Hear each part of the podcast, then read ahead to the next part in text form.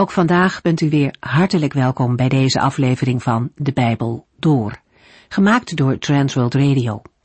Voor meer informatie kijkt u dan op onze website transworldradio.nl. In deze serie gaat u in vijf jaar tijd met ons de Bijbel door, van Genesis 1 tot en met het laatste vers in Openbaring 22. In Joel 2 hebben we gelezen over het naderend oordeel van de Heere God. Maar er is nog tijd en gelegenheid om aan het oordeel te ontkomen. En de weg van herstel klinkt eenvoudig. Ga terug naar de Heere. Niet alleen uiterlijk, maar juist met een hart vol met berouw over de zonde. De Heere is een genadig en vergevend God voor wie zich bekeert. Maar dat aspect van inkeer, van berouw over zonde, is wel nodig. Dat kan je als mens niet overslaan. In Joel 2 wordt een oproep tot gemeenschappelijke boetedoening gedaan. De inwoners van Juda en Jeruzalem worden bijeengeroepen om samen de Heere te bidden om uitredding.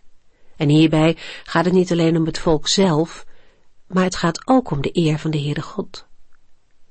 Als het volk ten onder gaat, zouden de vijanden immers kunnen denken dat de Heere niet bij machten was om zijn eigen volk te redden.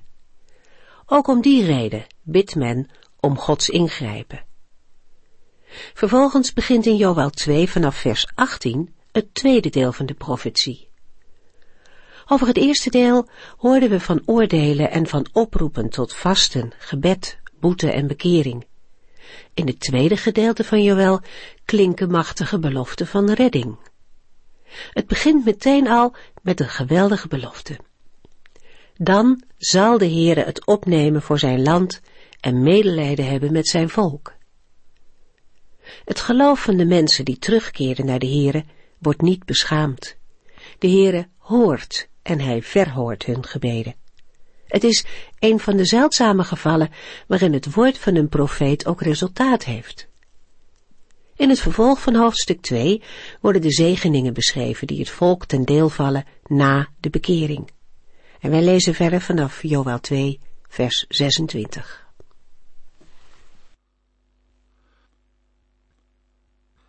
De vorige uitzending sloten we af met Joel 2, vers 25, waar we woorden van de Heere lazen. Ik zal u de oogsten vergoeden die de sprinkhanen al die jaren hebben opgegeten. U krijgt terug wat verloren ging door die grote legermacht die ik op u had losgelaten. De versen 25 tot en met 27 geven een samenvatting en bevestiging van de beschreven zegeningen in de vorige versen van Joel 2. Allereerst noemt de Heer een schadeloosstelling voor al die jaren dat de sprinkhanen de gewassen hebben opgegeten. Daarmee is vers 25 verbonden met Joel 1 vers 4. De woorden, u krijgt terug wat verloren ging door die grote legermacht, die ik op u had losgelaten, zijn verbonden met Joel 2 vers 11, waar wordt gezegd, de Heere laat zijn stem horen. Hij trekt op aan de spits van zijn leger. Het is een enorme troepenmacht en deze gehoorzaamt zijn bevelen. De rampen, sprinkhanen en grote droogte hadden blijkbaar al een aantal jaren achter elkaar geduurd. Dat maakte de ellende die Juda en Jeruzalem overkwam alleen maar groter en erger. In de Hebreeuwse tekst wordt in vers 25 dezelfde vier namen voor de sprinkhanen gegeven, die we ook lazen in Joel 1 vers 4. We lezen dan, ik zal u de oogsten vergoeden die de knaagsprinkhaan, de gewone sprinkhaan, de roofsprinkhaan en de veldsprinkhaan al die jaren hebben opgegeten. De woorden die grote legermacht die ik op u had losgelaten maken duidelijk dat de Heere de sprinkhanenplaag heeft gebruikt om zijn volk weer naar hem terug te laten keren. In Joel 2 vers 12 en 13 lazen we, Kom nu bij mij terug, nu kan het nog. Geef mij heel uw hart, kom met vasten, tranen en in rouw. Scheur van verdriet uw hart, niet uw kleren. Ga terug naar de Heer uw God, want Hij is genadig en heeft medelijden. Hij is geduldig, vol liefde en goedheid, en heeft berouw over de toegezegde straf. Joel 2 vers 26 U zult weer ruimschoots voldoende voedsel hebben. Dan zult u de Heer uw God loven om de wonderen die hij voor u heeft gedaan. In vers 26 wordt het geluk beschreven dat uit de voorgaande zegeningen voortkomt. Er zal weer ruimschoots voldoende voedsel zijn. En de Israëlieten zullen de Heere loven om de wonderen die hij voor hen heeft gedaan. Met het loven van de Heere wordt ook getuigenis afgelegd van Gods wonderen naar de omliggende volkeren. Joel 2 vers 27 En u zult weten dat ik hier bij mijn volk Israël ben, en dat ik alleen de Heere uw God ben. Mijn volk zal nooit meer zo'n ramp als deze te verwerken krijgen. Door al deze dingen zullen de Israëlieten weten dat de Heere in het midden van zijn volk is. En dan is er geen plaats en reden meer voor de spottende vraag van de vijanden. Waar is nu uw God? Verder wordt er in vers 27 nog gezegd dat ik alleen de Heere, uw God ben. De woorden komen ook voor in de tien geboden. Dat de Heere de God van Israël is, is de hoofdinhoud van Gods verbond met het volk Israël, en de waarheid daarvan zal opnieuw zichtbaar worden als de Heere het gebed van zijn volk verhoort en zich weer in hun midden openbaart. De woorden benadrukken en geven aan dat Israël dan ook alleen op de Heere moet vertrouwen. De woorden mijn volk zal nooit meer zo'n ramp als deze te verwerken krijgen, vormen een passende afsluiting van het eerste gedeelte van Joëls profetie. Door de rampen die het volk hadden getroffen, was Israël tot een voorwerp van spot en hoon geworden, maar dat zou niet meer gebeuren. Natuurlijk op voorwaarde dat de Israëlieten trouw de Here blijven dienen. Joel 2 vers 28 En daarna zal ik mijn geest over alle mensen uitstorten. Uw zonen en dochters zullen Gods woorden spreken. Oudere mannen zullen betekenisvolle dromen hebben en uw jonge mannen zullen visioenen zien. Na de zegeningen die in de versen 23 tot en met 27 zijn beschreven, volgen er nog meer weldaden van de Heer. Het woordje daarna geeft aan dat de profeet Joël vooruit mag kijken in de toekomst. Het begint met de zegeningen die de Heere geeft in antwoord op het gebed van de priesters en de verootmoediging van het volk.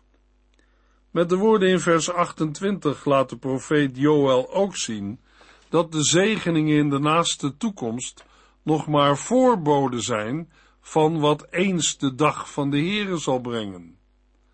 Daarom kon Petrus in Handelingen 2 vers 17 zeggen, God zal aan het einde van de tijd zijn geest over alle mensen uitstorten.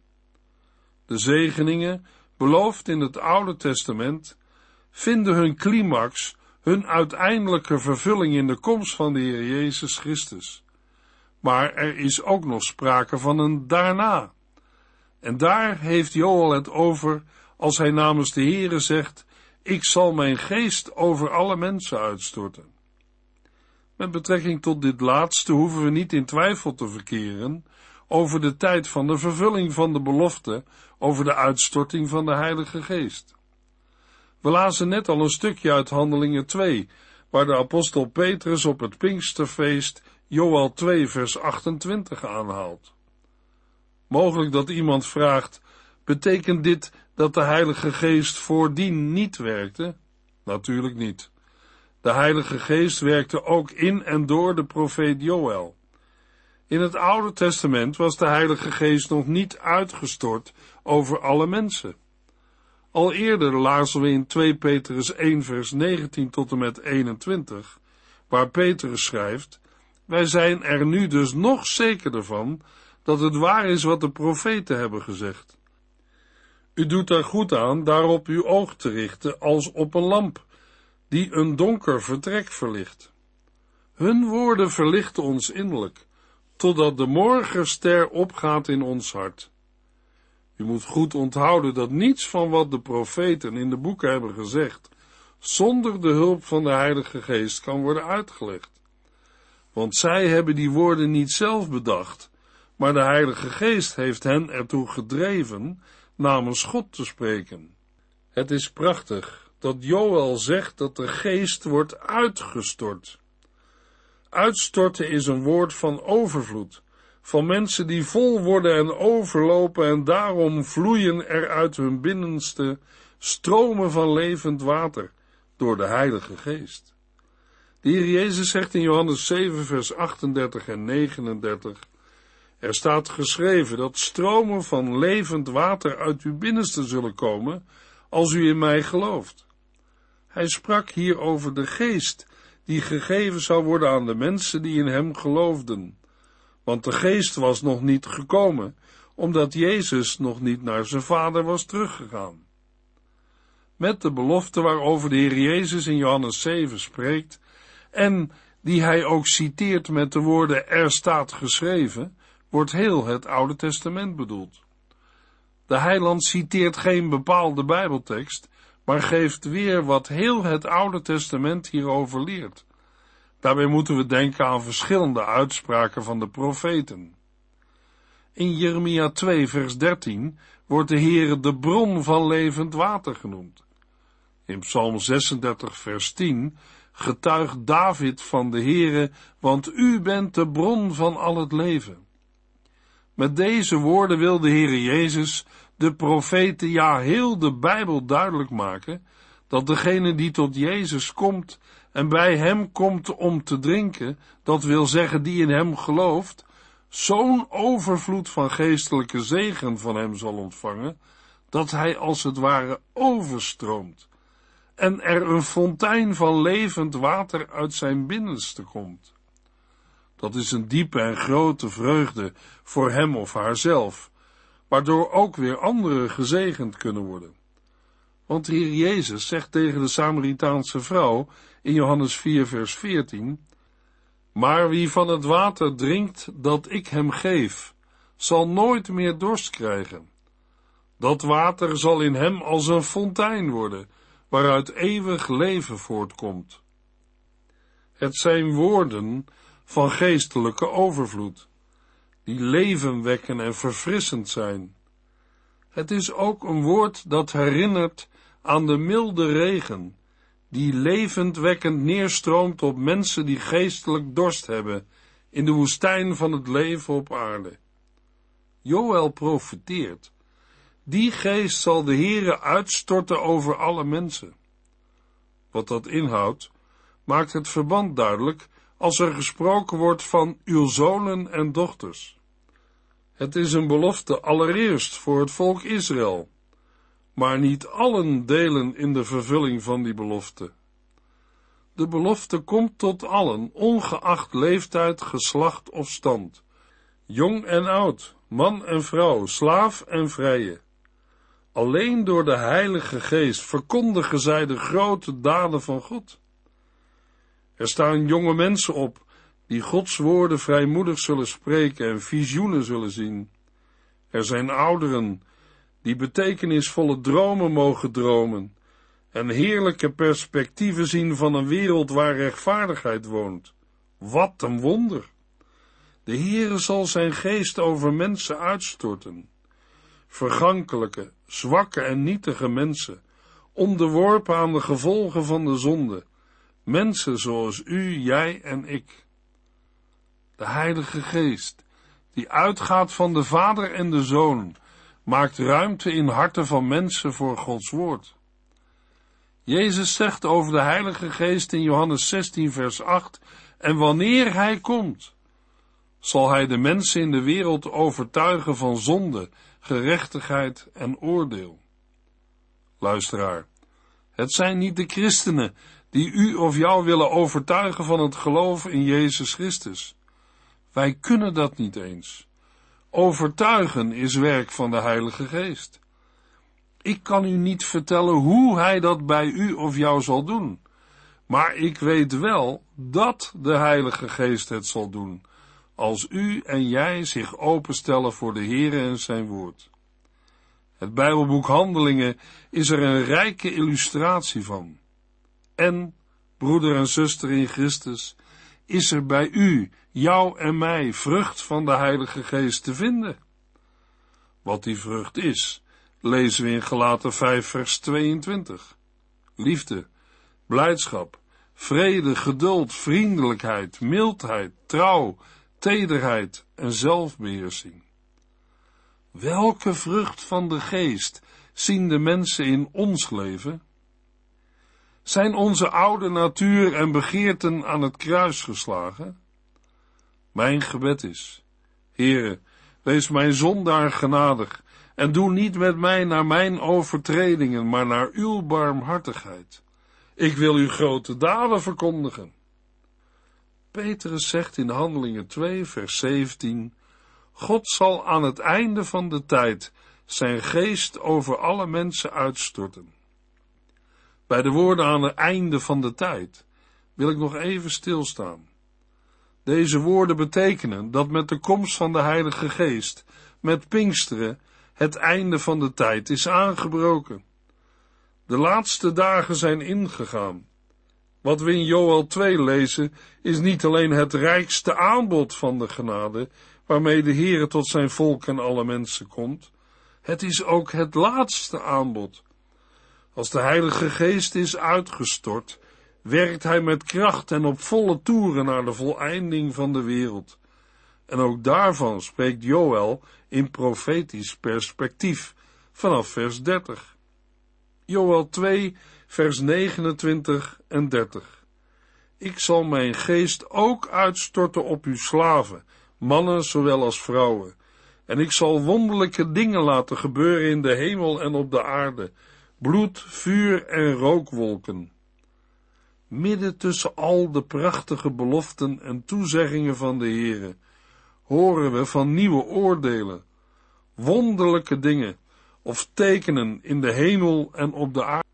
Op de aarde is sprake van bloed, vuur en rookwolken. Dat zijn woorden die het beeld van oorlogen oproepen. Wij mensen van de 21ste eeuw hebben niet veel fantasie nodig om ons bij deze woorden beelden voor te stellen. En wie thuis is in de Bijbel, denkt aan wat de Heer Jezus heeft gezegd in het Evangelie naar Matthäus over de tekenen van de tijd. Joel 2, vers 31. De zon zal veranderen in duisternis en de maan in bloed, voordat die grote en ontzagwekkende dag van de Heere aanbreekt. Vers 31 werkt de tekenen aan de hemel uit. De zon die verduisterd wordt en de maan die bloedrood aan de hemel staat en de mensen angstig maakt. Dat beeld komen we ook tegen in Openbaring 6, waar Johannes ziet wat er gebeurt als het lam, Jezus Christus, de zeven zegelen verbreekt van de boekrol. Een boekrol die alleen Christus kan openen, omdat Hij het verzoeningswerk heeft volbracht. Tot op vandaag is de grote dag van de Heere nog niet gekomen, waarvan de profeet Joël zo indringend spreekt. De Heer heeft wel zijn blijde boodschap voor de wereld, het evangelie van Jezus Christus bekendgemaakt. In het zenden van zijn zoon en het uitstorten van zijn geest heeft de Heer laten zien dat hij doet wat hij heeft beloofd. In 2 Korintiërs 6 vers 1 en 2 schrijft de apostel Paulus, als Gods medewerkers dringen wij erop aan dat u de genade die God u gegeven heeft, niet naast u zult neerleggen. Want God zegt, op het goede moment verhoorde ik uw gebed. Op de dag van redding kwam ik u te hulp. Dat goede moment is nu aangebroken en het is nu ook die dag van redding. Deze woorden willen zeggen, nog klinkt de boodschap van Gods genade. Er is ook vandaag nog redding en behoud mogelijk in en door de Heer Jezus Christus. Hoe lang de genadetijd van de Heere nog zal duren, weten wij niet. Daarom dringen ook wij er bij u en jou op aan, dat u de genade die God u wil geven niet naast u zult neerleggen. Luisteraar, mogelijk is het vandaag de dag van uw redding. Vraag de Heer Jezus Christus om in uw hart te komen en u te verzoenen met God. Laat het door hem in orde komen tussen God en u. Joel 2 vers 32 Ieder die de naam van de Heere aanroept, zal gered worden, want de berg Sion en Jeruzalem zullen een toevluchtsoord zijn, zoals de Heere heeft beloofd. Want ieder die hij, de Heere, roept, zal worden gered. Vers 32 legt uit voor wie er ontkoming en redding zal zijn, namelijk ieder die de naam van de Heere aanroept. Daarbij zullen we moeten bedenken dat het niet genoeg is om in geval van dodelijke dreiging haastig de naam van de Heere op de lippen te nemen. Nee, het gaat hier om mensen die de Heere oprecht en in waarheid als hun God beleiden. Zeker, wij weten dat het gebed van de moordenaar aan het kruis door de Heer Jezus is verhoord met de woorden, Vandaag zult u met mij in het paradijs zijn. Maar geen mens weet of de Heere hem of haar zo'n moment van genade geeft. Ook wij doen er goed aan naar Gods woord te luisteren en ernaar te handelen. Dat zij die de naam van de Heere aanroepen gered zullen worden, wordt nog eens verduidelijkt door de toevoeging, want de berg Sion en Jeruzalem zullen een toevluchtsoord zijn. Midden in de wereld, die door het gericht van God getroffen wordt, is er toch nog een plaats waar redding kan worden gevonden, namelijk Jeruzalem en speciaal de berg Sion, waar de Heere zich aan Israël openbaart.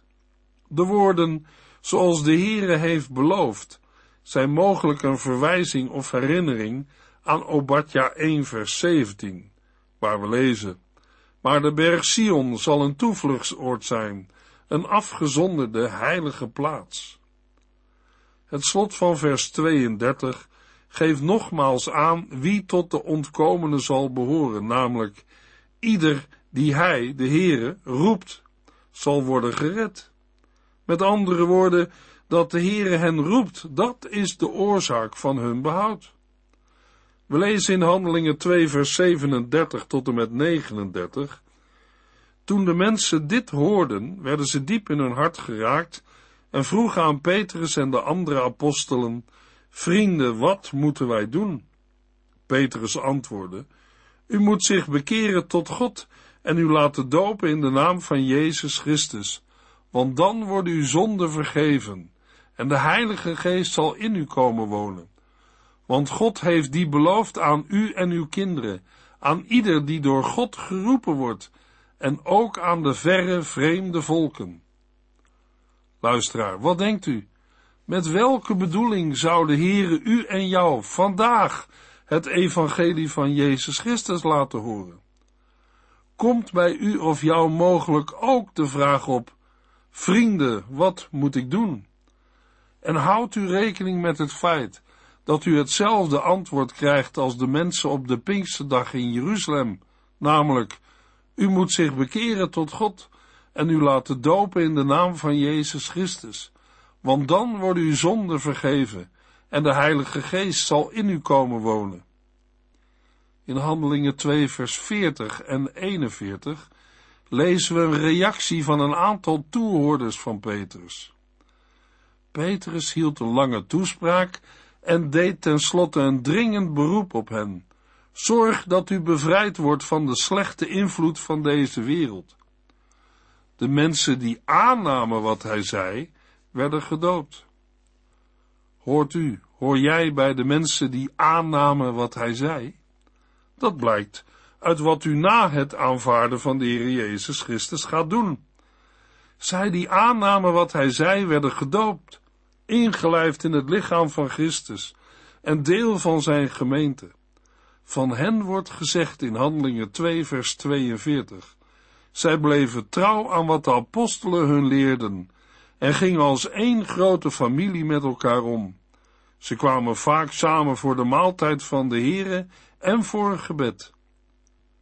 Hoort u bij die ene grote familie van Christus? Joel 3 vers 1 en 2 In die tijd, wanneer ik het lot van Juda en Jeruzalem verander, zegt de Heere, zal ik alle volken van de wereld verzamelen in het dal waar de Heere oordeelt. Ik zal daar een proces tegen hen aanspannen, omdat zij mijn volk kwaad hebben gedaan en mijn erfenis Israël over de hele wereld hebben verstrooid en mijn land onder elkaar hebben verdeeld. De verwachting van de dag van de Heere, bij de profeet Joël gewekt door de reusachtige sprinkhanenplaag, blijft ook na Gods verhoring van het boetegebed bestaan. Maar die dag hoeft voor Juda en Jeruzalem nu niet langer als een dag van verschrikking tegemoet worden gezien, maar als dag van redding en heil. De woorden in die tijd, wanneer ik het lot van Juda en Jeruzalem verander, willen zeggen dat na de vernielingen door de sprinkhanen en de droogte en na Gods vergoeding als herstel van de geleden schade, er een tijd van voorspoed zal aanbreken, waarin de Heere nog veel grotere gaven aan zijn volk zal schenken. Hij zal zijn geest uitstorten over alle mensen. Gods belofte dat zijn volk nooit meer te schande zal worden, impliceert niet alleen de uitredding van Israël, maar ook het oordeel over alle volken van de wereld. Deze ommekeer voor Israël heeft als keerzijde het verzamelen van hun vijanden om die af te voeren naar het dal waar de Heere oordeelt. Maar daarover meer in de volgende uitzending. U heeft geluisterd naar De Bijbel Door, in het Nederlands vertaald en bewerkt door Transworld Radio. Een programma waarin we in vijf jaar tijd de hele Bijbel doorgaan. Als u wilt reageren op deze uitzending of u heeft vragen, dan kunt u contact met ons opnemen. Tijdens kantooruren kunt u bellen op 0342 478432. 0342 478432. Ook kunt u een e-mail sturen naar de Bijbel door transworldradio.nl en natuurlijk kunt u ook via de post ons bereiken. TWR, postbus 371, postcode 3770, AJ in Barneveld. Dit programma werd gepresenteerd door Cor Weda en Ike André. Techniek was in handen van Odin van Voerkom. En wij allemaal bedanken u voor het luisteren. Graag tot de volgende keer.